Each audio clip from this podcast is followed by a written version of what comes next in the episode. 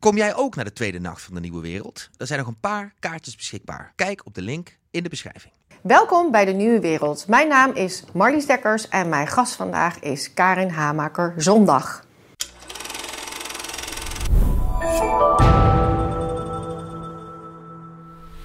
Welkom.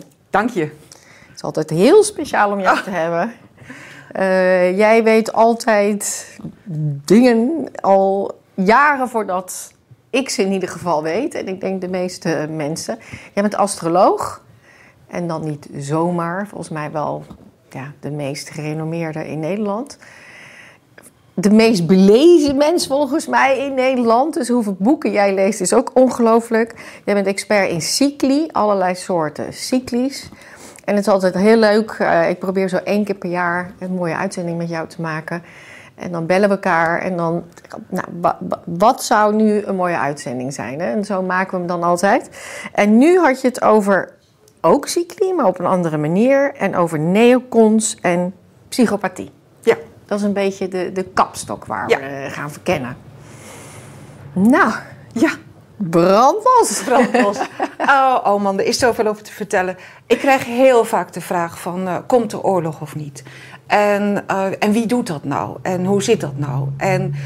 Uh, nou, juist omdat jij ook zo in die toekomst kan kijken. Uh, nou, globaal. Manier, globaal. globaal. In die astrologie kan jij wel zien van hoe stonden de standen van de planeten met andere oorlogen ja. bijvoorbeeld. Je, je, kunt, je kunt grote cycli zien van bewegingen van uh, de langzame planeten en ook hun onderlinge verhoudingen en hoe dat matcht. Dat is één ding.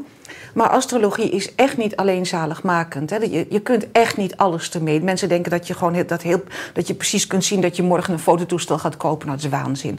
Maar je ziet dus die grotere cycli, maar dat moet je dat moet je plaatsen tegen de dingen die ook actueel spelen. Want die vullen het in. En uiteindelijk zijn het altijd mensen die de dingen invullen. Het zijn mensen die beslissingen nemen. Als je het hebt over een land, dan heb je het over mensen die in dat land dingen doen. En besturen zijn mensen die dingen doen.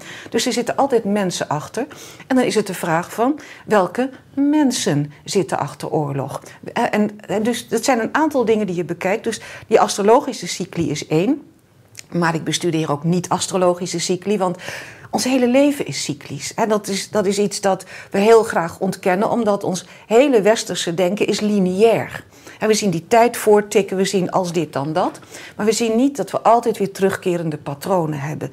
En het, het echte leven heeft te maken met de, de maancycli, uh, graancycli, we hebben zalmcycli, we hebben van alles, allerlei soorten cycli zijn er. Is echt ongelooflijk veel. En als je cyclusonderzoek doet, dan zie je dus ook dat er hele bijzondere dingen zijn. Zoals, ik noem het bijzonder omdat je daar niet aan denkt, maar er zijn oorlogscycli. En er is een uh, professor van Kansas University, professor Wheeler, een psycholoog, die dus ook dacht van... het zijn mensen die dingen doen. Dus hoe zit dat eigenlijk? En hij was geïnteresseerd in waarom nemen welke mensen nu beslissingen waardoor er oorlog komt. En toen is hij gaan kijken naar wanneer is er eigenlijk oorlog geweest, wanneer zijn er conflicten geweest. En uh, hij is teruggegaan van 600 voor Christus en heeft alle uh, zeg maar, geschreven geschiedenis over oorlogsconflicten waar ook ter wereld genomen en heeft hij gecategoriseerd. Hij heeft gezegd, eh, als het een licht conflict is, dan is het een 1. Hij krijgt het een waarde 1. Is het een zwaarder conflict, dan krijgt het een waarde 2. Is het een heel zwaar conflict, krijgt het waarde 3.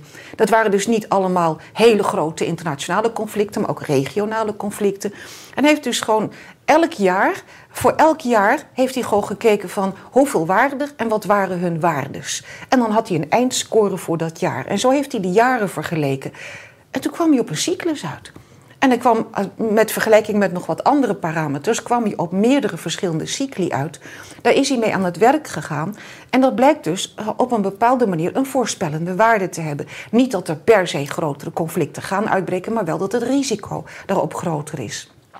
Dan zijn er weer anderen die zeggen van, als je nou die oorlogscyclus neemt hè, van Wieler en je combineert dat met een aantal andere cycli, eh, bijvoorbeeld de vertrouwenscyclus, de, de, de, cyclus van het vertrouwen hebben in overheden, ook dat hè, is er. Je hebt hele grote cycli die zeggen van, in deze periode is er meer vertrouwen in de gewone markt, in die periode is er meer vertrouwen in de overheid. Dat zijn ook cycli. Als je dat samenneemt, dan kun je kijken naar wat kritieke perioden zijn. En Wieler die vond nog een paar andere hele bijzondere dingen waarvan ik denk van dat zou leuk zijn om te onderzoeken. Hij zag bijvoorbeeld dat de opmaat aan uh, meer oorlogsrisico, dus zeg maar de opmaat aan, aan uh, zijn oorlogscyclus, dat die opmaat heel vaak gepaard ging, gekke met, met een tijdelijke warmere klimaat. En, met, en, en hij zegt, en dat ging ook gepaard met meer dictatoriale neigingen van regeringen. En hij zegt, en met kouder klimaat zag je gewoon meer democratie, maar meer burgeronrust. Vond het, bedoel, het moet onderzocht worden. Ik vond het fascinerend. Dat is een hoogleraar psychologie. Hij president van uh, van, van de, en een van de studiegroep in, eh, in, in, van de Kansas Universiteit. Dus niet iemand die zomaar uh, zeg maar wat, wat, wat ja. geks vertelt. Dus ik van, nou, dat vind ik heel fascinerend. Want we zitten nu gewoon met warm weer. Dat het een tijdelijke aangelegenheid is en dat dat cyclisch is. En dat, is, dat staat voor mij uh, vast. Maar, dus dat zag hij allemaal. Maar hij heeft dus een aantal ook subcycli gezien. En wat nu blijkt, dat is dat als je die subcycli neemt en zijn hoofdcyclus... en je doet daar de vertrouwenscyclus bij, van, die, die dus niet met oorlog te maken heeft... dan, dan komen al die cycli nu samen op dit moment, in, de, in nu, dit jaar en de komende jaren. En dat is dus okay. de kritieke factor. En uh, als je dan zegt van hoe lang, nou, het, het, het kan midden volgende maand kan er een omslagpunt komen dat we denken van dit gaat mis. Ik denk trouwens wel dat, dat uh, als ik gewoon nu kijk naar de, de informatie die ik heb over wat er rond Oekraïne gebeurt. Dat, uh, dat vanuit Oekraïne zelf uh, komen er berichten die hier niet doordringen. Maar dat Oekraïne op één dag 7000 man heeft verloren. Ja, het, is het is echt verschrikkelijk. En er wordt daar gewoon gesproken over de gehaktmolen van Bakmoed. En dat brengt me zo ook op de neocons. Maar, maar Oekraïne gaat het dus niet redden. En alsmaar horen wij hier van ja, dat gaat wel en ze moeten meer dit hebben. Ze gaan het gewoon niet redden. Die horoscoop die staat helemaal gespannen. En die blijft gespannen staan op een manier dat ik alleen maar kan zeggen: het land valt uit elkaar. Dat, dat, dat, maar dan zie je gewoon dat. Um, wat betekent het wanneer er toegegeven moet worden dat ze het niet gaan redden? En je ziet in de hele geschiedenis ook weer, dat vind ik ook weer bijzonder van geschiedenis bestuderen, is dat op het moment dat er echt een, een, een situatie is van een partij die in het nauw gedreven wordt, zie je heel vaak valse vlagoperaties. Om nog te proberen het te redden of een ander de schuld te geven of wat dan ook. En Zelensky wil gewoon heel graag dat de NAVO mee gaat vechten. Mhm. Dus, en ja, over een paar weken staat de boel helemaal op zijn kop. Dus dan, dan, dan, die oorlogscyclus tik begint dan echt in zijn, zoals het in Amerika heet, in zijn uptick te komen. Dus uh, dus er spelen wel een aantal dingen. Dus dat komt nu allemaal samen. Dus dat ziet er niet goed ik uit? Ik vind het er niet goed uitzien. En ik, ik weet wel dat het gewoon natuurlijk heel negatief klinkt. Um, ik ben daar toch iets genuanceerder over. Het, oorlog is altijd heel erg negatief. Maar wat je, wat je ziet in dit soort voorbedachte radenoorlogen is dat de doelen nooit bereikt worden en dat het het begin is van echte verandering. En daarom zeg ik van, bereid je voor, maar richt je op het werk aan de verandering. Dan, dan, dan heb je een andere insteek.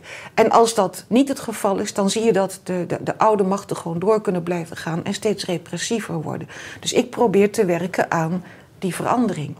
Maar dan zie je dat, dat in feite, van hoe komt het nou dat, dat uh, Oekraïne zo'n zo'n brandpunt is geworden? Nou, wanneer ik kijk naar, uh, zeg maar decennia geleden, Um, als ik bijvoorbeeld kijk naar Brzezinski, daar hebben we het een vorige uitzending over gehad. Dat is de man die dit boek heeft geschreven, ja, Between Two Ages. Je hebt weer ja. een hele grote ja. lijst wat we allemaal als huiswerk moeten doen. Nou, die heb ik vorige keer Brzezinski? Brzezinski, Between Two Ages. Between die, Two Ages. Ja, dat is de man die uh, de trilaterale commissie... Uh, de deel is geworden van de oprichting van de trilaterale commissie. En die uh, samen met David Rockefeller... En de trilaterale commissie is in feite de groep die Washington in zijn, in zijn broekzak heeft. dus dat is die. En hij heeft in een ander boek, The Grand Chessboard. Dat heb ik niet als boek, maar dat heb ik gewoon als uh, e-book. Dus kan ik niet laten zien. The Grand Chessboard. Daarin heeft hij al geschreven, dan heb ik het over jaren zeventig, dat uh, de primaire focus op Oekraïne moet liggen. Want dat is, dat is het gebied dat als je dat hebt, dan heb je in feite het hele Eurasiatische continent. En dus dat was van begin af aan was het de focus van, daar moet wat mee. En wat blijkt dan? dat toen Oekraïne onafhankelijk werd, binnen een paar weken de NAVO al had beslist dat, uh, dat Oekraïne eigenlijk uiteindelijk bij de NAVO zou moeten horen. En dat ze dus helemaal tegen de Russische grens aan moesten zitten. Terwijl ze beloofd hadden aan de voormalige Sovjet-Unie, dat dat, uh, dus, en ook Rusland, dat ze bij de grenzen van 1992 zouden blijven en niet verder, zijn ze alsmaar verder opgeschoven. En Oekraïne was eigenlijk de laatste, volgens Brzezinski dan, maar dat is, uh, en je ziet dan ook dat er mee gespeeld wordt. En het begin is in feite bij die München uh, vredes, of ja, vredesconferentie geweest. En die, die militaire conferentie die elk jaar in februari wordt gehouden in München. Waar op een gegeven moment Kamala Harris zei dat als Oekraïne bij de NAVO wil, dat dat dan kan. En wetende. Dat hoe gevoelig dat, dat ligt. Hoe gevoelig dat lag. En een paar dagen later viel Rusland binnen. En het is dus een heel ingewikkeld spel. Maar dan is de vraag eigenlijk van wie zit er daar nu achter? En dan, dan valt natuurlijk het woord neocons. En waarbij ik, ik ga me nu focussen op Amerika, maar ik wil heel duidelijk zeggen dat uh, als je het hebt over neocons, en dat zijn in feite de hardliners, dat die net zo hard in Rusland aanwezig zijn als in Amerika. Dus het is, het, het is niet van, van de ene kant is beter of slechter. Ze hebben allebei gewoon hun grote problemen en hun hardliners, et cetera. En de neocons, gewoon even wat betekent neoconservatief? Neoconservatief. En dat is in, in Amerika uh, is, is, uh, is neoconservatief, is in de jaren 30 ontstaan. Daar zal ik zo op ingaan. In uh, Rusland zijn het in feite de oude communisten. En, en, en ook, ook de mensen die gewoon in het communistisch regime heel veel macht hadden, die terug willen naar een soortement van systeem waarbij ze de wereld gewoon wel even zullen laten zien hoe machtig ze zijn. En je ziet eigenlijk dat dat um, beide groepen willen, of het nou Rusland is of het is Amerika, beide groepen willen naar een totale controle van de staat, een, grote, een groot overheidsapparaat, grote controle en gewoon wereld. En, en Amerika wil wereldhegemonie en Rusland wil hegemonie over zijn eigen gebieden en de omliggende gebieden, dus geen wereldhegemonie. Nou, die, die neocons in Amerika, neoconservatieven, die zijn in de jaren 30. Maar ze worden echt neocons genoemd. Ja, neocons, dat is echt de naam daarvoor. Die zijn in de jaren 30 zijn die opgekomen. En uh, die hangen eigenlijk ook weer samen met, met uh, de Council on Foreign Relations, waar we het over gehad hebben, uh, met, met, met internationale groeperingen. En eigenlijk is een heel groot doel van hen gewoon One World Government. Ja, daar hebben we de vorige keer ja, uitgebreid, vorige keer uitgebreid Misschien om die uitzending ook nog even terug te kijken. Precies. Die, en die neocons hebben daar gewoon een hele, hele belangrijke rol in gespeeld. En die, die spelen tot op de dag van vandaag daar een belangrijke rol nou, die zitten op hele belangrijke posities. Precies, precies. Bijvoorbeeld Nuland. Ja, uh, Victoria Nuland, die, uh, die, die, is onderminister van Buitenlandse Zaken. Al heel lang? Al heel lang. En die, die, uh, die heeft ook allerlei andere connecties. En misschien een saillant detail. Zij is oorspronkelijk Oekraïens. Ze is van Oekraïense afkomst. Dat is inderdaad dus een detail. En is een Ruslandhaatster. En haar man is ook van Oekraïense afkomst. Dus daar zit een, uh, daar zit een aantal dingen. Nou, wat je, um, wat je ziet is dat er zijn een. Uh, die neocons die zijn in de jaren dertig ontstaan en die vonden eigenlijk het hele marxistische model van complete sturing van de staat ideaal. Dat wilden ze heel graag. Dat was in lijn met een aantal andere groeperingen, zoals de Fabian Society in Engeland en, en aan andere van dat soort zeg maar, subtiele, machtige achtergrondorganisaties, die gewoon een groot overheidsapparaat willen, burger gewoon helemaal afhankelijk en helemaal sturing. Daar, dus die, die, die, die neocons die, die in de jaren dertig eigenlijk begonnen op te komen, en die wilden dat ook, maar die kwamen in de problemen door Stalin. Want wat ze Stalin zagen doen, ja, dat kan je niet verkopen. Dus, dat is een slecht, slecht verhaal. Nee, dat, maar de, de neocons die kwamen dus kwamen oorspronkelijk voort uit de democraten. Maar uh, begonnen zich een beetje af te zetten, maar wilden toch een stukje van het marxistisch gedachtegoed houden. uh, begonnen zich toch een beetje af te zetten tegen Stalin. Uh, begonnen ook hele traditionele waarden te omarmen, naar buiten toe. Want naar binnen toe deden ze andere dingen. En begonnen tegen de Republikeinen aan te schuren. En ja, daar vonden ze eigenlijk het meeste gehoor bij die Republikeinse groep die met de Rockefellers samenhangt. Dus, maar die, die, die neocons die zijn nog democraat, nog republikein. Ze zitten in allebei de kampen. Hillary Clinton is een neocon. En John McCain was dat ook. En, uh, en dat waren de beste vrienden. Dus en, en even, hoe herken je ze? Of wat, wat? Niet. Nee, dat begrijp ik. Dat ze niet een button of zo hebben. Nee. Maar wat voor soort gedachtegoed, zeg maar, hangen ze in dan aan? Oorlog. Oké. Oorlog. De, de, de, de, de, zeg maar, als je echt naar de, naar de bodem gaat, hè, de bottom line zoals dat heet, dan zie je dat het is, het is, uh, ze zijn heel erg gelieerd aan het militair-industrieel complex. Nou, dan zie je bijvoorbeeld Victoria Nuland. Die is getrouwd met Kagan. Uh, en, uh, die, en de familie van Kagan, die, zitten, die, die hebben zeg maar studie-instituten opgericht en denktanks. Nou, wat gebeurt er? Dan komt zo'n denktank en die denktank die zegt dan van... we hebben een studie gemaakt en dat en dat en dat, daar moeten we voor uitkijken. En dat land is gevaarlijk. Daarmee wordt het publiek bewerkt. En dan zie je dat Kagan heeft dus zit in regeringskringen en zijn vrouw Victoria Nuland ook. Dus in regeringskringen wordt er dan gelobbyd om geld vrij te maken. Want ja, dit is toch wel een doel dat, uh, dat aangepakt moet worden. Heel dreigend. Heel dreigend. En dan gebeurt dat. En dus dan worden daar militaire middelen, wordt er geld vrijgemaakt voor militaire middelen. En dan krijgt dus de denktank krijgt weer een subsidie van het militair-industrieel complex. En die kan dus weer een volgend rapport gaan uitbrengen. En zo krijg je een cirkeltje. En wie voert het uit? Victoria Nuland. Ja, zij is zo'n spin in zij het is web. echt een spin in het web, ja. Maar zo van een soort oorlogsmachine. Het is, eh, het is en weet je, die, die denktanks, de politiek en het, en, en het uitvoeren ervan, het is allemaal binnen één familie. Binnen, binnen, binnen zeg maar de, de Nuland-Kagan-familie. Maar toch even, hè, want ik heb toch nog, zo, ik heb nog een heel deel naïviteit in me. Jij, jij zorgt altijd dat ik, dat ik dat kwijtraak, maar toch. Dan denk ik, oké, maar dan heb je, je hebt toch daar nog ook check and balances? Nee. Dus hoe krijgen zij daar helemaal vrij spel daarin? Ja, nou dat is... Ik bedoel, de geschiedenis heeft het laten zien, maar Ja. ik, ik begrijp het Nee, niet. maar er zijn een aantal dingen. Dat is dat als jij geld hebt en, eh, de, de, en, het, en het, de groep is groot genoeg, dan kan je in een soort van eh, ja, groepsdenken terechtkomen. En dat is ook fascinerend om te zien. Dat is dit. Dat is dit boek van eh Irvin Janis, Groupthink. Ja, ik denk dat we dat nu allemaal wel beter zien. Hè? Ja. Groupthink, Irving Janis. Ja, die, die kwam daarmee. Dit is zijn oorspronkelijke werk. En Janis die, eh, die was heel erg benieuwd naar hoe het nou kon dat eh, in de politiek en, ook in het bedrijfsleven door, door gewoon mensen van naam en mensen die erudiet zijn, mensen die goede opleiding hebben genomen, in, in, in, zeg maar, in een groep, in een bestuur, in een regering beslissingen worden genomen waarvan je achteraf zegt van hoe hebben we dat kunnen doen? En hij wilde dat bestuderen, dus hij is dat gaan bestuderen. En toen bleek dus dat uh, wanneer je in een, in een bepaalde groep zit zonder dat daar nog veel kritiek is. Er komt een soort van uh, ons kent ons uh, mentaliteit.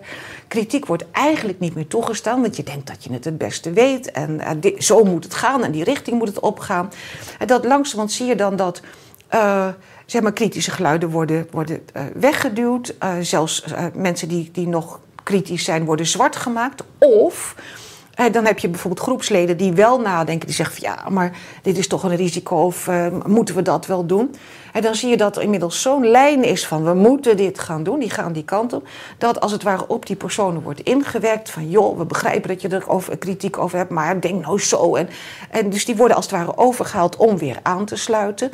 En dan zie je psychologisch dat die mensen die dus de dissident zijn binnen de groep.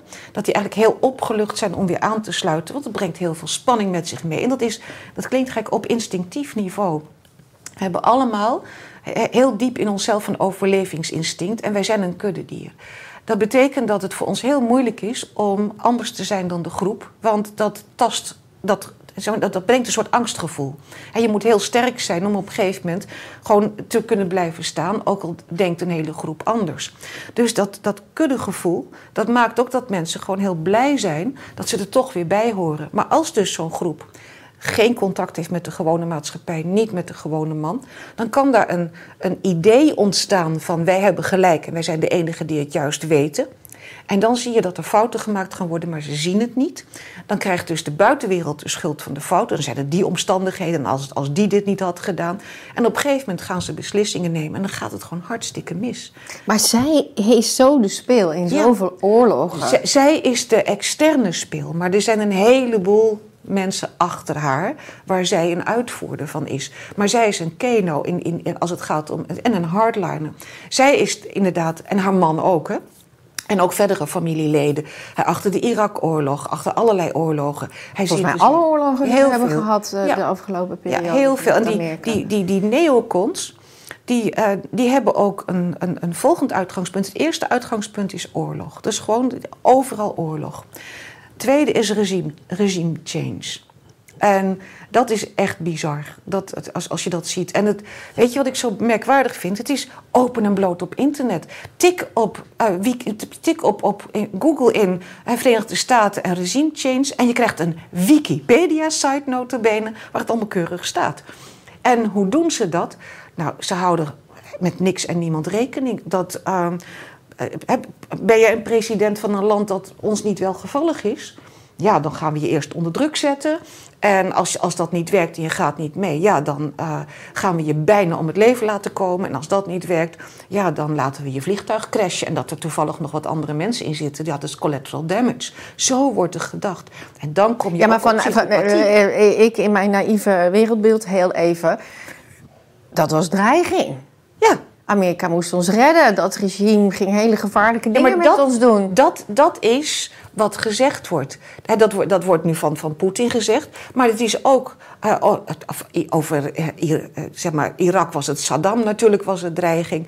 Libië. Maar wat ze dus niet hebben gezien is dat gewoon al die, die Noord-Afrikaanse staten die gedestabiliseerd zijn door ingrijpen.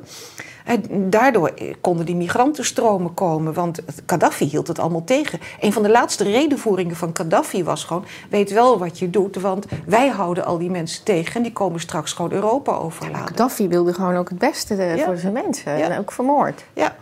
Maar als je gewoon kijkt hoe dat gaat, en dan zie je dat, dat eh, een ander kenmerk van de neocons is gewoon een volstrekte hardheid en, en, en een, een psychopathische structuur. Daar kom ik zo op. Maar Ja, want even Ja. voor we zo Ja. gaan. Maar, want ik bedoel, jij zegt, hè, Gaddafi hield dat tegen. En nu zie je een hele migratiestroom. Waarom willen die neocons een migratiestroom? Dat, dat, ze- de neocons denken niet verder dan het enige doeltje wat ze willen bereiken. Dus die hebben nooit nagedacht over consequenties. Dat zie je ze ook niet doen. Gewoon, het is regimewissel en En dan onder het, on- onder, het, onder het mom van... wij gaan democratie brengen en we gaan het, het liberale gedachtegoed brengen... en ondertussen zorgen wij dat wij onze mannetjes daar neerzetten... en dan hebben wij toegang tot jullie bronnen. Dat is zeg maar de, de gedachtlijn. En dit boek van Perkins... New Confessions of an Economic Hitman. John Perkins, dat is een eh, man die eh, heeft dus in dienst gestaan van dit systeem. even het camera En top. eh, dat Perkins, die heeft daar enorm spijt van gehad. Hij vertelt in het boek vertelt hij over zijn leven, over hoe hij ertoe gekomen is en ook wat hij allemaal voor strategie heeft uitgehaald. Hoe hij dus moest proberen eh, om eh, landen over te halen, om grote eh, Amerikaanse investeringen aan te trekken, die dan uiteindelijk allemaal naar Amerika terugvloeiden. En hoe hij dus ook het voorbereidende werk moest doen voor regimewisseling. En als je dan ziet hoe bekelhard dat is. En hij is dan een economic hitman. En, en, en dus dat is economisch. Maar hij zegt, als ik dan niet het gewenste doel bereikte... dan kwamen de jackals. En dan ging gewoon de president eraan. Of wat dan ook. En dan kon gewoon de Amerikaanse industrie... die kon, daar, eh, eh, kon daarin komen. Het IMF werkt mee. De Wereldbank werkt mee. Het is allemaal één pot nat. Dat zit allemaal, dat is allemaal qua systeem. Maar je wilt toch een soort logica erachter zoeken. En ook hoe je natuurlijk zelf geconditioneerd bent door, door het nieuws. Dat je, dat je toch denkt, ja nee, maar hè, breng het neoliberalisme daar. Breng de vrije markt daar. We brengen vrijheid voor die mensen. Daar zitten, daar zitten, hele, daar zitten boeven. Dat zijn slechte regimes. Dat is wat ons verteld wordt. Maar eh, elk volk heeft zijn eigen cultuur. Maar geloven ze dat zelf ook? Weet je, als een leugen lang genoeg verteld wordt, wordt het waarheid. En dan bedoel je die groep En zelf? dan heb je dus weer de groep, dat groepsdenken. Dan krijg je zo'n kokervisie.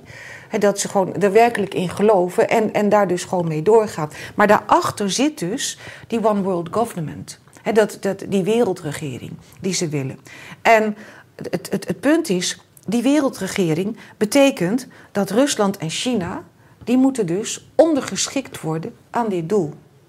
Maar Rusland Rusland is gewoon een heel andere cultuur. China is een heel andere cultuur. En als je zegt van daar gaan we liberale waarden brengen, die, die cultuur is zo anders.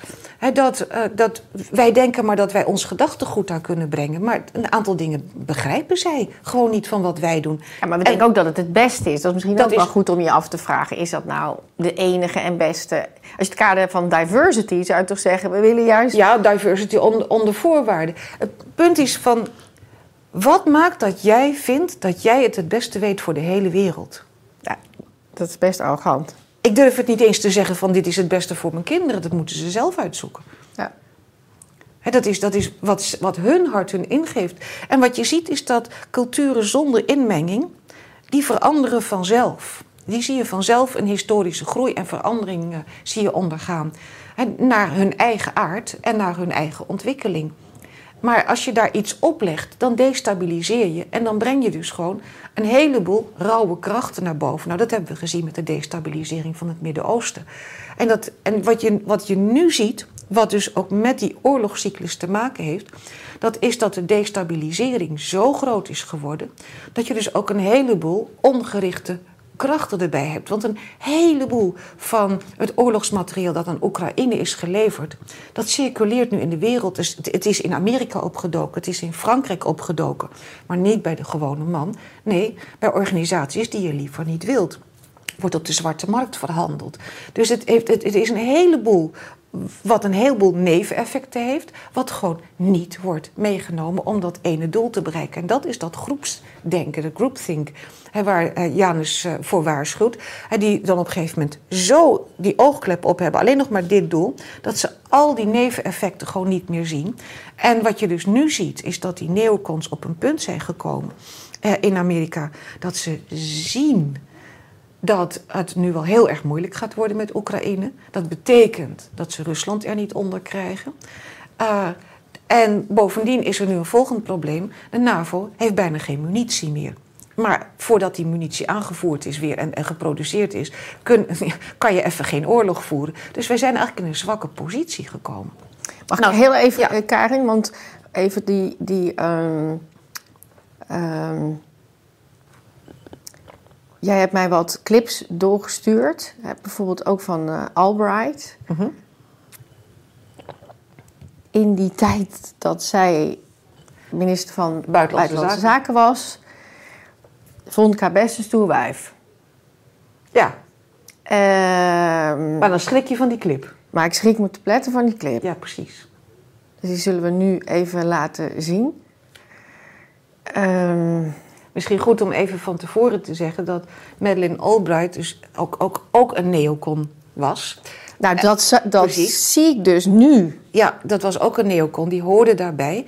En dan zie je ook dat een, een kenmerk van de neocons is... is dat gewoon... eh, men, j- jij en ik zijn gewoon werkmieren.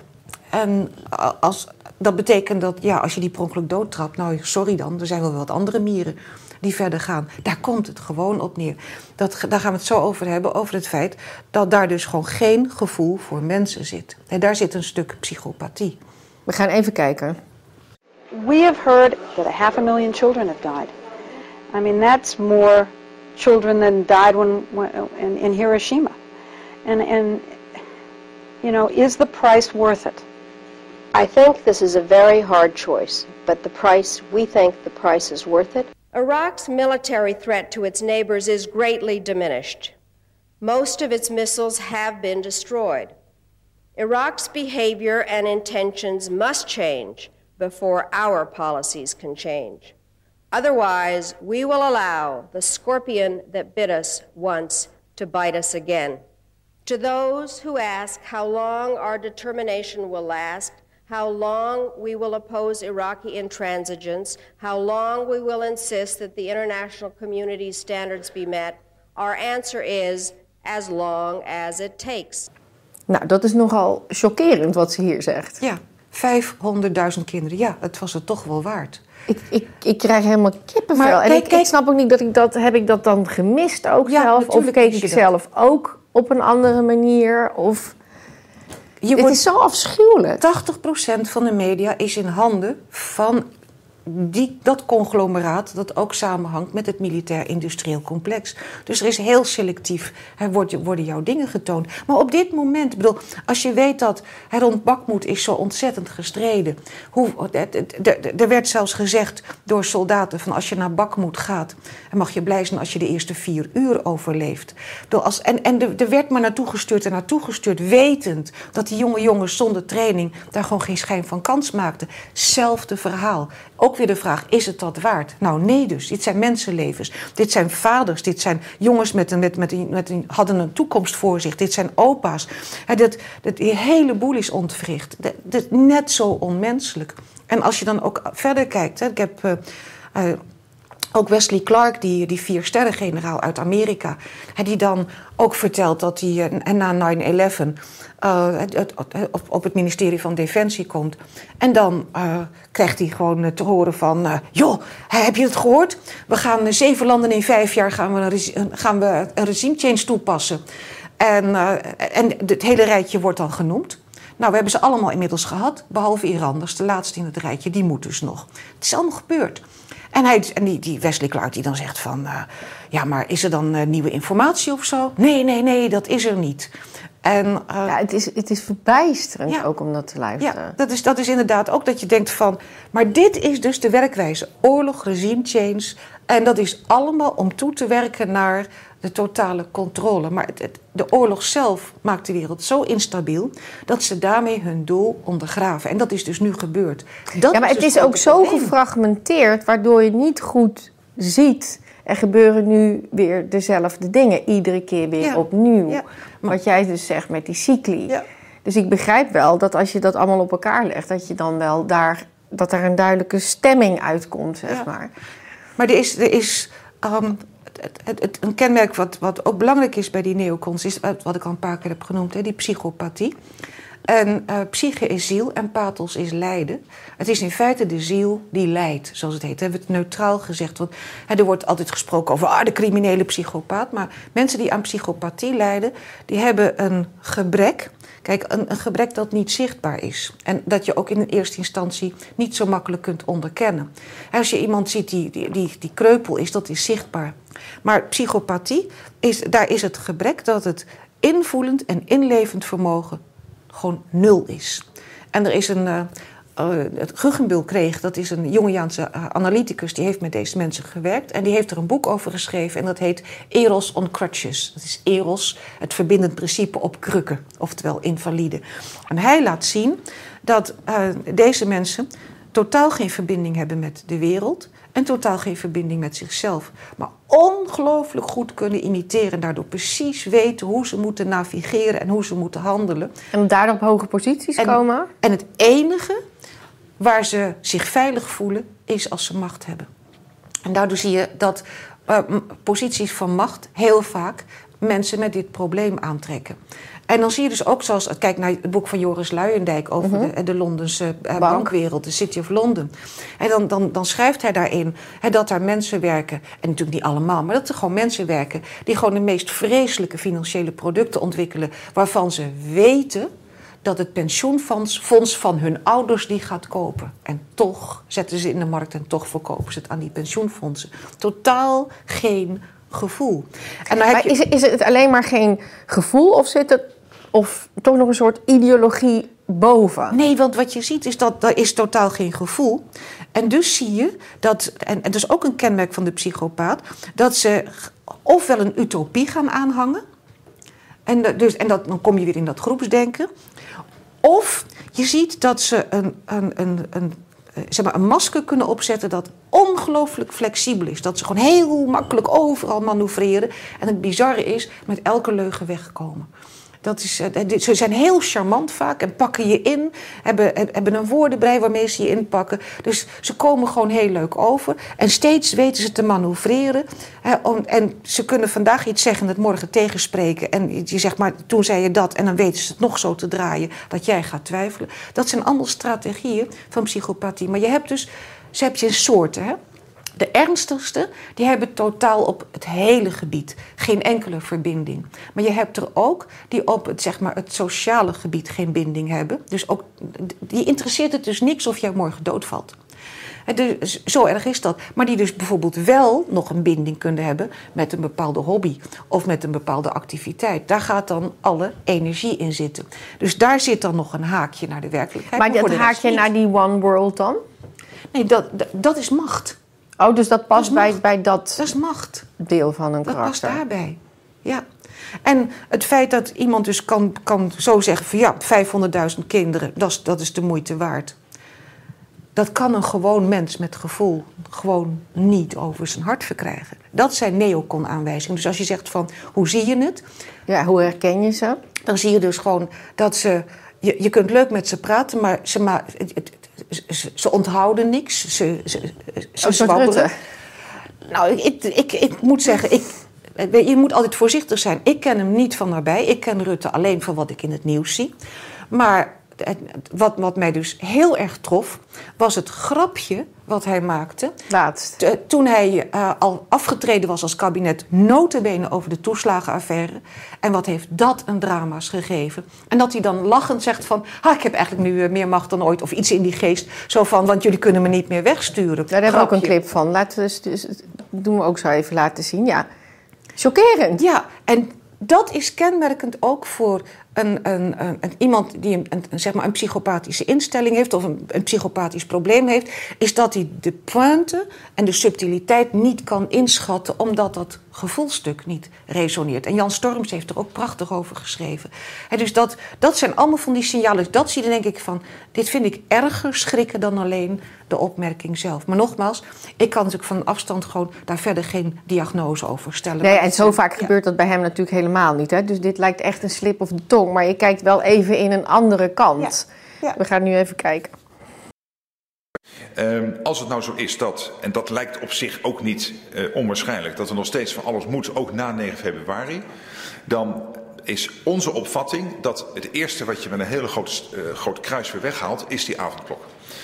Alleen u zou dan vervolgens mij kunnen vragen: kun je garanderen dat die avond. Dat kan ik niet. Want ik, ik, het kan, dus- maar dan is het wel zo dat de Kamer specifiek over die avondklok. Kijk, u kunt ons niet meer wegsturen als kabinet. Dus strikt genomen eh, hebben we nu meer macht dan voor vorige week vrijdag. Zou je gek genoeg kunnen zeggen. Nee, ik ben even flauw aan het doen. Maar op die avondklok niet. En ik ben een beetje aan het doordenken. eh, de opmerking dat een dimissionair kabinet meer macht heeft. Nee. Dat is niet waar. Nee, nee, nee, nee. nee. Ze, ze kunnen ons niet meer wegsturen. Ja. Nee, niet twee keer. Dat, eh, dat is waar. Voorzitter, ik wil de minister-president Ja. Wel waarschuwen. persoonlijk, dat is waar. De individuele bewindslieden zijn nog steeds eh, Ja. weg te sturen. Nee, Dus nee, nee, ik, ik neem deze de opmerking terug. kans is juist heel nu verstandig. groter. Ja. Hij heeft het gezegd. Ja, precies. Ja. Nee, Oké, als, we, eh, als we verder gaan. We hebben nu een paar fragmenten gezien om het te duiden. Hè, maar dat, ehm, die van eh, Albright zaten we in de jaren negentig. Ja, maar ze zijn, weet je, in de politiek hebben we altijd deze mensen gezien. Nou, er En- is recent dus nog ook... eh, even kijken hoor, wie was het? Zelensky met... ehm, even kijken welk stukje dat jij had. Dat, dat ze daar ook eh, bespreken van... Ja, ja, ja, het kost wat, maar het is de moeite waard. Nou, ik ben even vergeten, wacht, wacht even, ik heb, dat is eh, Lindsey Graham, ook een neocon. Die is dus naar eh, Zelensky gegaan, naar Oekraïne. En toen ging het erover van, zeg maar, Rusland verslaan. En eh, er moeten gewoon heel veel Russische militairen sterven. En toen heeft dus Graham gezegd, dat is de beste financiële investering ooit. Of iets in die geest, maar in elk geval ook weer de moeite van het geld waard. Ook weer, er sterven mensen. Is Ja, het is vooral een beetje, eh, ook zelfs een beetje lachend. Hè? Dus een beetje met... eh, Daar gaan we ook even naar kijken. Free or die. Now you are free. Yes. And we will be. And the Russians are down. The things you do for your country. Thank you very much for you. your coming. Thank Thank, you. you very much. Thanks, United States people of, of the United States for all big support. President Biden, bipartisan Yes. support, Congress, and really we thank you so much. Bipartisan support. Yes, it's very important. So we appreciate for. I, uh, we know that from from first days we have total support. It's about 38 billion, and it, it, big big support. Very The important. best money we've ever spent. Thank you so much. We krijgen wel steeds een beter beeld van wat neocons zijn en die psychi- eh, psychopathie. Maar het is ook. ehm, ja, het is een. ehm, ja, de, de dood. De dood doet er niet toe. De, de, de, de, de- het is een soort Het- het feit- abstrahering van. Het, het feit, jij bent niet in de, in de directe omgeving. Dus jij doet er gewoon niet toe. Maar denk erom, we hebben nu een stukje focus op Amerika gehad. In Rusland is dat precies hetzelfde. Als ik gewoon kijk naar eh, uitzendingen met, met eh, een aantal Russische generaals... die heel duidelijk neocon-trekken vertonen. En vanuit hun stuk, die dan gewoon echt helemaal uit de doeken doen van wat ze gaan doen. Hè, als, de- als de zaak escaleert. Dat, dat, dat is hetzelfde verhaal. Gewoon ja, maar dat, dat bokst dan ook nog tegen elkaar op natuurlijk. En dat is. ja, en het eh, probleem is, is dat, dat het Westen heeft dus Poetin geframed. En nou, niet dat Poetin nou een lieve jongen is. Maar eh, wat nu uit, uit ehm, de- de- nieuw, nieuw materiaal... Hè, dus is een heleboel declassified in Amerika eh, uit de Clinton-periode. En toen bleek dus dat de Clinton-regering...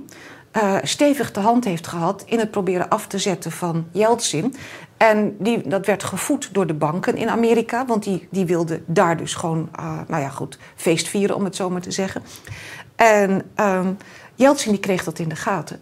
En die, die kwam dus in de problemen. En zo, en Yeltsin die, die, ja, die, eh, die had ook de nodige scheve schaatsen, dus eh, die was ook gewoon te chanteren.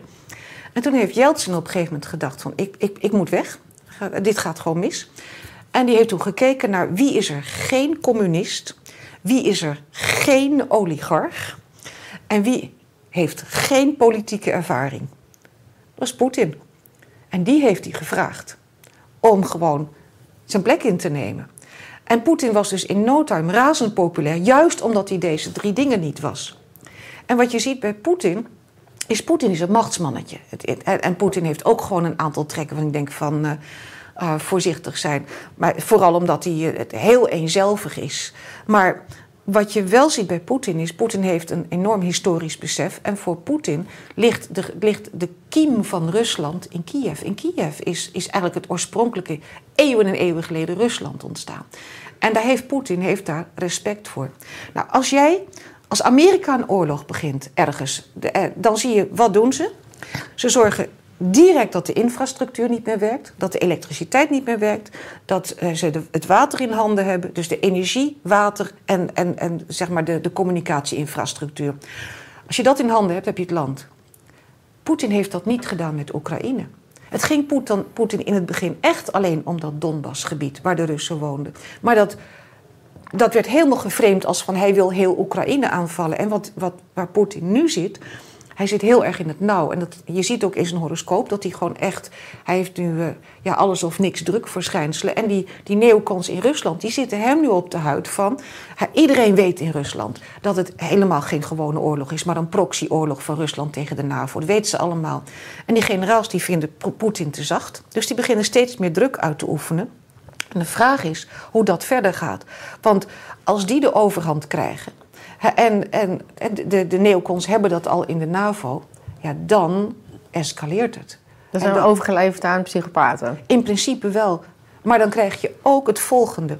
Dat ehm, wat er gebeurd is, is dat door die enorme focus... en dat, heb ik, dat roep ik al jaren, ik heb ook al vorige keer al gezegd... van ze zijn bezig hun eigen graf te graven. Want dat is kenmerkend voor die, voor die eenzijdige manier van Nu komt de hoop, nu komt de hoop. Ja, het is echt... Ze, ik bedoel, die één, die één wereldregering is dus al passé. is, ze, ze, zijn nog, ze zullen nog jaren proberen dat te doen. Daar werkt het World Economic Forum aan mee, de SDG's, de Verenigde Naties zit allemaal in, in dat geheel. Werkt er allemaal aan mee. Het is voorbij. Nu al.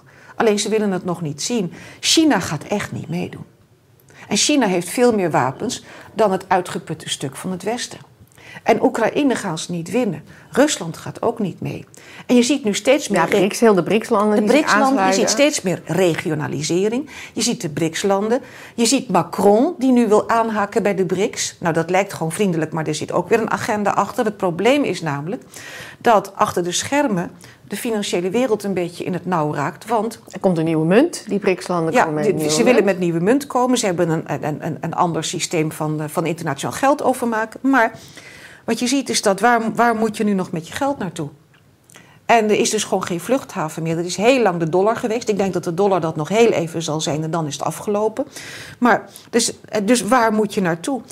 En je ziet nu dat eh, met name gewoon eh, zeg maar de, de, de Rothschild-banken, waar Macron een uitvloeisel van is, ja, die moeten gaan zoeken naar nieuwe wegen. Dus die gaan eens even kijken bij de BRICS. Dus Nou, je dus ziet- bijvoorbeeld de BlackRock eh Ja. vorige week ook in één keer in bitcoin gestapt. Ja.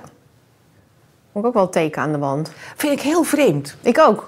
Ik vind het heel vreemd, want als je namelijk kijkt naar de CBDC's die ze wil doordrukken, Ja. de Central Bank Digital Currencies, voor totale controle, eh, die zullen gewoon geen enkele digitale andere munt naast zich Nee, dulden. die gaan ze eruit gooien. Ze gaan En- dat blokkeren per Ja. wet. Dus waarom stapt BlackRock daarin? Ja, die Larry Flink, die CEO, toch ook een heel groot deel van zijn aandelen verkocht. Ja, het, het- wij zijn maar mieren, wij zullen het Ja, niet weten. ja precies. nou goed, en die heeft, die heeft weer een hele grote vinger in de pap in het World Economic Forum. Dat, dat- dus het is, het is één groot conglomeraat. En het World Economic Forum, Klaus Schwab, die dan gewoon echt helemaal eh, ja, trots zegt dat. ehm, eh, ze hebben decennia lang hebben ze Young Global Leaders opgeleid. En wij zijn nu gepenetreerd in heel veel regeringen in de wereld om de agenda uit te voeren. Maar het is mislukt. Als kijk Maar op een bepaalde manier, als je hier tegen bent in ieder geval, dankzij de BRICS-landen. Niet Nee, ook vanuit intern. Ja, door, de groepsdenken, door het groepsdenken. Ze hebben gewoon fout op fout op fout op fout op fout gestapeld. Door hun, door hun verbetenheid om Rusland zeg maar, op de knieën te dwingen, hebben ze gewoon Rusland onderschat. En ze zijn er te hard tegen aangegaan. Daardoor hebben ze Rusland in de armen van China gedreven. En zijn er een aantal landen, zoals India, die zeggen van eh, wij mengen ons nergens in. Nee, in- maar dat zijn allemaal die BRICS-landen die Ja. dus tegen druk geven op ja, dit. maar ook andere landen die niet van lid zijn van BRICS, die hebben zoiets van. De eens die sluiten zich allemaal aan, maar gewoon het Ja. Vrije Westen. Het is, het- het- het- die wereldregering gaat er dus niet meer komen. Dus wat er verder gaat gebeuren, dat is dat we nu in een periode komen, en die zal misschien tot 2030 duren, eh, ongeveer, eh, is kat in het nauw sprongen van eh, de groepen die hun plannen in duigen zien vallen. Dus ze gaan versneld allerlei dingen invoeren. Maar ze hebben dus nu een proef genomen in Nigeria met in één klap de CBDC invoeren daar Niet goed gegaan. volslagen mislukt. Eh, dus er zijn he- heel veel mislukkingen zijn. Wat er nu in Nederland gebeurt met de boeren, hebben ze in Sri Lanka gedaan. Volslagen mislukt. Ik bedoel, jarenlang hebben daar de prachtigste verhalen over Sri Lanka met helemaal de biologisch, helemaal nou, noem maar op. eh, hebben, hebben- op de website van het World Economic Forum gestaan. Allemaal verdwenen. Kun je Ja, even om te, dat misschien niet iedereen weet wat daar gebeurd is. Hè? Dus daar hebben ze ingegrepen op mogen geen gebruik maken van pesticiden Nee. of van. Dus wat ze, wat ze nu met de boeren willen doen, eh, gewoon, eh, het moet allemaal helemaal ecologisch verantwoord en het moest in no time. En Sri Lanka is dus van een voedsel-exporterend land een voedsel-importerend land gaan in naar armoede vervallen. En dus het is helemaal geen paradepaardje meer. Nou, wat we zien is dat Nederland is dus proeftuin nummer twee daarvoor. Met nog een paar andere agenda's, zoals de Three-State City, City die er ook komt en nog, nog wat bedoel andere die dingen. 10, 15 minuten steden, bedoel je die? Ja? Of- nee, ja. nee, nee. Three State City is dat er een plan is om eh, eh, zeg maar één groot stedelijk conglomeraat te maken. Dat loopt van, van, van, van, van Aken via Utrecht, Amsterdam, eh, Rotterdam naar Antwerpen. Zo. Dus in, in, in, in één heel groot gebied. Met, dus alleen maar stedelijk. Met ja, wat, wat parken zoals Central Park in, in New York ertussen. Ja, maar ja, er is erg veel boerenland in dat gebied. Ja, dat kan niet. Dus dat, die hebben ze daarvoor nodig. Ja, ja en niet alleen dat. Ik heb het uh, al eens eerder gehad ook over de, de, de technocratische beweging uit 1934. Ik heb daar in een podcast met Jorn Luca een heel verhaal over gehouden. Nou, die technocracy-beweging uit 1934 is gewoon overgenomen door, uh, de, dat is deze, de, de, de, trilaterale, de trilaterals over Washington. Dat is echt het, het machts, de machtsgreep over Washington, is door hun overgenomen. En uh, ze hebben. Uh, in feite is die, is die technocratie is overgenomen door het World Economic Forum. Is voor een deel overgenomen door de, de, zeg maar de, de 17 doelen van de Verenigde Naties, de SDG's, is dat overgenomen. En, dat, wat, wat, en wat zegt dus die technocratie? Die zegt van. Uh, mensen moet je, kun je programmeren. Die hebben dus een mensbeeld. Nou, je wordt er helemaal gek van, zo slecht. Echt, van psychologie hebben ze niks begrepen. Mensen kun je programmeren. En wij geven mensen, als je mensen voldoende voeding en plezier geeft en, uh, en, en spelen. En, ja, brood en spelen. Maar daarnaast moeten ze dus uh, in wat wij bepalen, in, in, uh, van, van zo laat tot zo laat werken. En ze mogen hier wonen. En ze krijgen de keus uit wel drie soorten meubeltjes. Weet je, dus vrije keus heet dat. En, maar, en ze krijgen geen geld. Ze krijgen een bewijsje, een energiebewijsje. En dat wordt elke keer afgestempeld van je mag voor zoveel energie mag je per maand gebruiken. En vanuit welke bol komt dit? Dat is de technocratie. Dat is ook een verhaal apart. Ik heb, in, ik heb een cursus gemaakt. En diepere dynamieken van onze tijd. En daar heb ik die hele achtergrond en al die samenhangen, ook met het World Economic Forum en de Trilaterale Commissie, helemaal uitgewerkt. Maar wat zij dus zeggen is van, uh, je krijgt geen geld, maar je krijgt dus, uh, je, als jij een brood koopt, dan kost dat zoveel energie, dus gaan je energiepunten eraf. Identiek onze CO2-punten waar we naartoe gaan. Ja, dat klinkt als CBDC. Dat, en uh, wat, ze ook, wat zij ook hebben, is dat zij zeggen van. Uh, de landbouw moet gereorganiseerd worden. Boeren mogen geen land meer bezitten. Zij moeten uh, in, uh, zeg maar, sa samenwonen in, in, in kleine steden of in dorpen. Met aangrenzend land wat ze mogen bewerken. Want als ze namelijk in, in, in, zeg maar, in een stedelijke omgeving wonen, is er meer controle mogelijk. Nou, allemaal van die dingen. En echt, ik heb die, die studiecourse die heb ik uitgespit. Die heb ik naast de SDG's gelegd. Naast wat er nu gebeurt. Het is verbijsterend. Dat is een inspiratiebron. Verbijsterend, ja. Verbijsterend. Waar kunnen mensen dat vinden? Gewoon Study Course Technocracy 1934. Het, het boek is op internet gewoon open en bloot. Ja. En als je dat dus helemaal naast al die andere dingen legt, van wat er, wat er feitelijk gebeurt, is dat het plan wat uitgerold wordt. En dan zie ik dat Rutte zit hoog in de boom bij het World Economic Forum. En die is daar gewoon druk mee bezig. En als ik dan zie dat Amsterdam begint met de proef van de Weesperstraat. Het, zeg maar een, een anderhalve maand afsluiten om te kijken, die vergroening van de steden. Dat zijn die plannen. Ja. Maar ze mislukken eigenlijk ook allemaal. Ze zijn allemaal aan het mislukken. En het grote probleem is ook. Maar ben... met zoveel verdriet. Ja, ik nou... heb hier aan deze tafel ook mensen. Ja. En uiteindelijk wordt volgens mij bijna iedereen in die end geraakt. Weet je wel? Van maar dat, dat mensen wordt dus... zoveel afgenomen. Jo, maar dat is die psychopathie. Het interesseert ze niet. Het interesseert ze niet. En omdat ik toch denk dat zij bezig dat zij denken dat ze bezig zijn met een betere wereld. Maar het is. Zo verkopen ze het. Zo verkopen ze het. En weet je, het punt is dat als jij gewoon dat maar heel veel vertelt, dan gaan mensen dat geloven. Weet je dat John McCain, mm -hmm. John McCain, een neocon, hè, mm -hmm. vriend van Hillary Clinton. John McCain, die had zoiets van, dus anti-Rusland, een paar jaar geleden overleden, die had zoiets van, het grootste exportproduct van Rusland is energie, hè, olie en gas. Ja.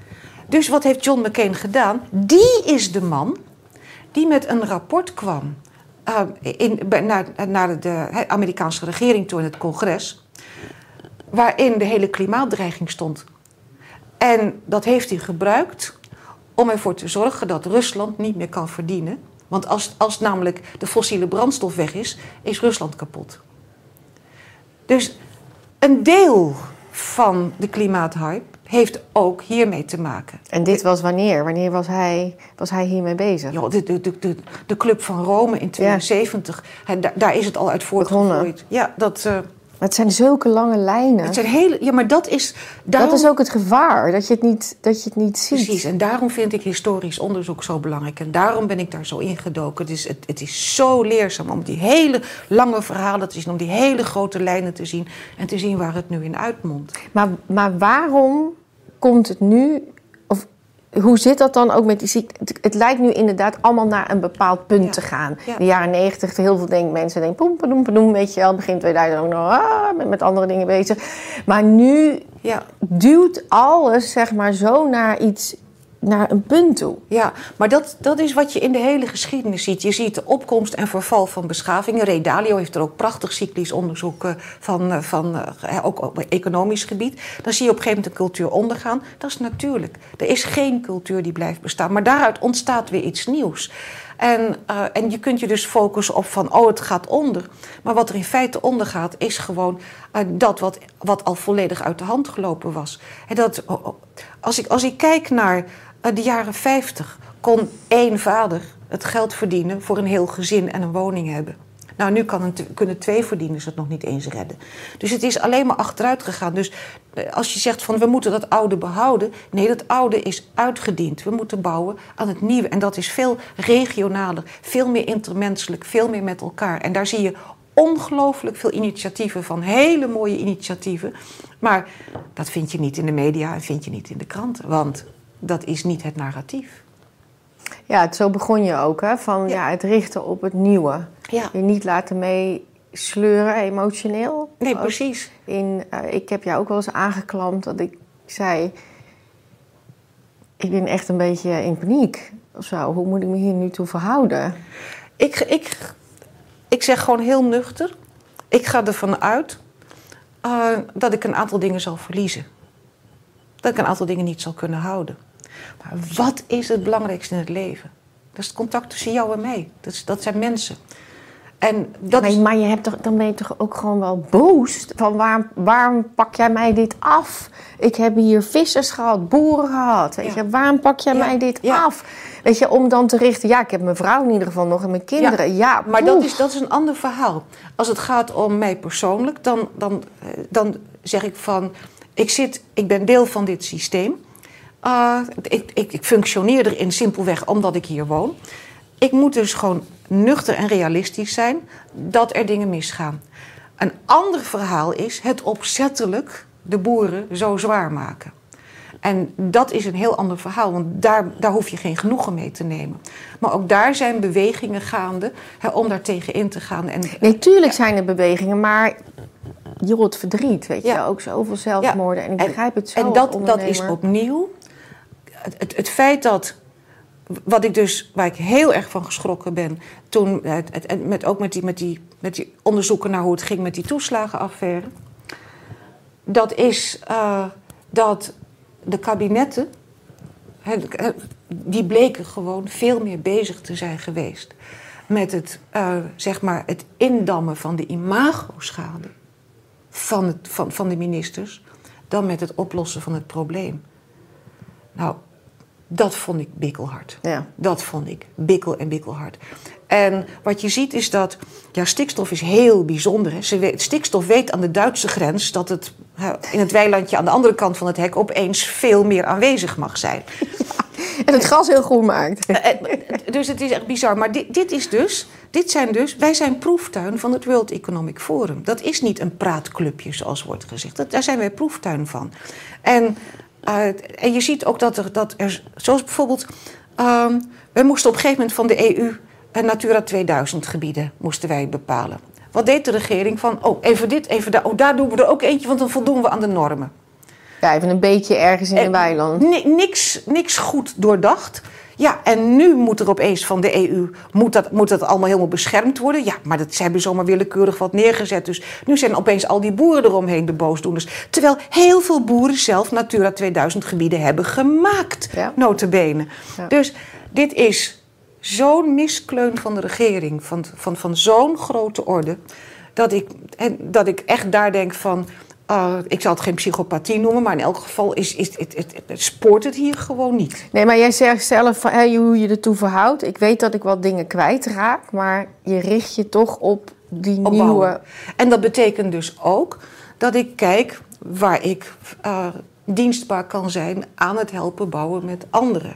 En als dat betekent, ik ben iemand die, ik ben gek op, op ja, ik ben verslaafd aan lezen. Nou goed, dat was inmiddels wel duidelijk.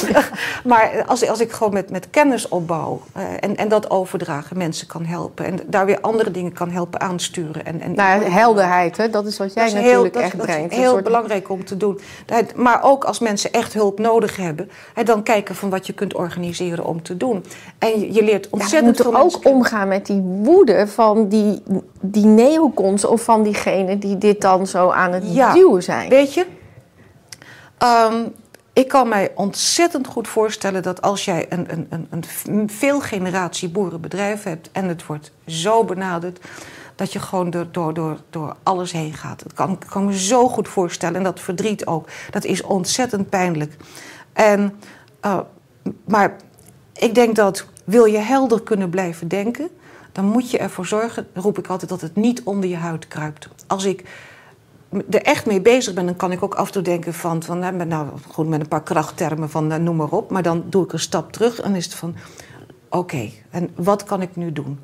En je kunt niet de wereld redden in je eentje. Maar je kunt wel kijken waar je binnen jouw omgeving en jouw groep en dingen, dingen vlot kunt trekken, dingen kunt helpen, mensen met elkaar kunt verbinden, et cetera. En het gaat uiteindelijk om de menselijke maat. Dat is gewoon belangrijk. Nou. En ik denk echt dat we zullen, zullen nog een aantal hele moeilijke jaren tegemoet gaan. Maar ik denk echt dat als we 2030, 2032 gepasseerd zijn, misschien zelfs eerder, ziet de wereld er heel anders uit. En ik ben ervan overtuigd dat die beter wordt. En die maken we met elkaar. Hè? Precies. Dat is altijd En dat precies wat jij zegt. Dat is niet achterin Nee. zitten en denk, nou, Nee. ik wacht wel zeven jaar, ik Dat- duik wel onder. Dat, dat is, juist bezig. actief meedoen Precies. om proberen dit naar de goede kant te duwen. Precies. Het is niet, het staat vast. Wij maken met elkaar wat straks de geschiedenis is. Ja, precies. Ontzettend bedankt, Karin. Graag gedaan. Beste kijker, als je dit filmpje ziet, houd je kennelijk van de lange en verdiepende gesprekken van de nieuwe wereld. Wil je meer van onze video's zien? Klik dan op de afbeelding hier links. Of beter nog, abonneer je op ons kanaal. Je kunt ons natuurlijk ook steunen en daar zijn wij zeer op aangewezen. Klik dan op de afbeelding rechtsboven in beeld of ga naar de beschrijving hieronder voor meer informatie. Ik dank jullie bij voorbaat van harte.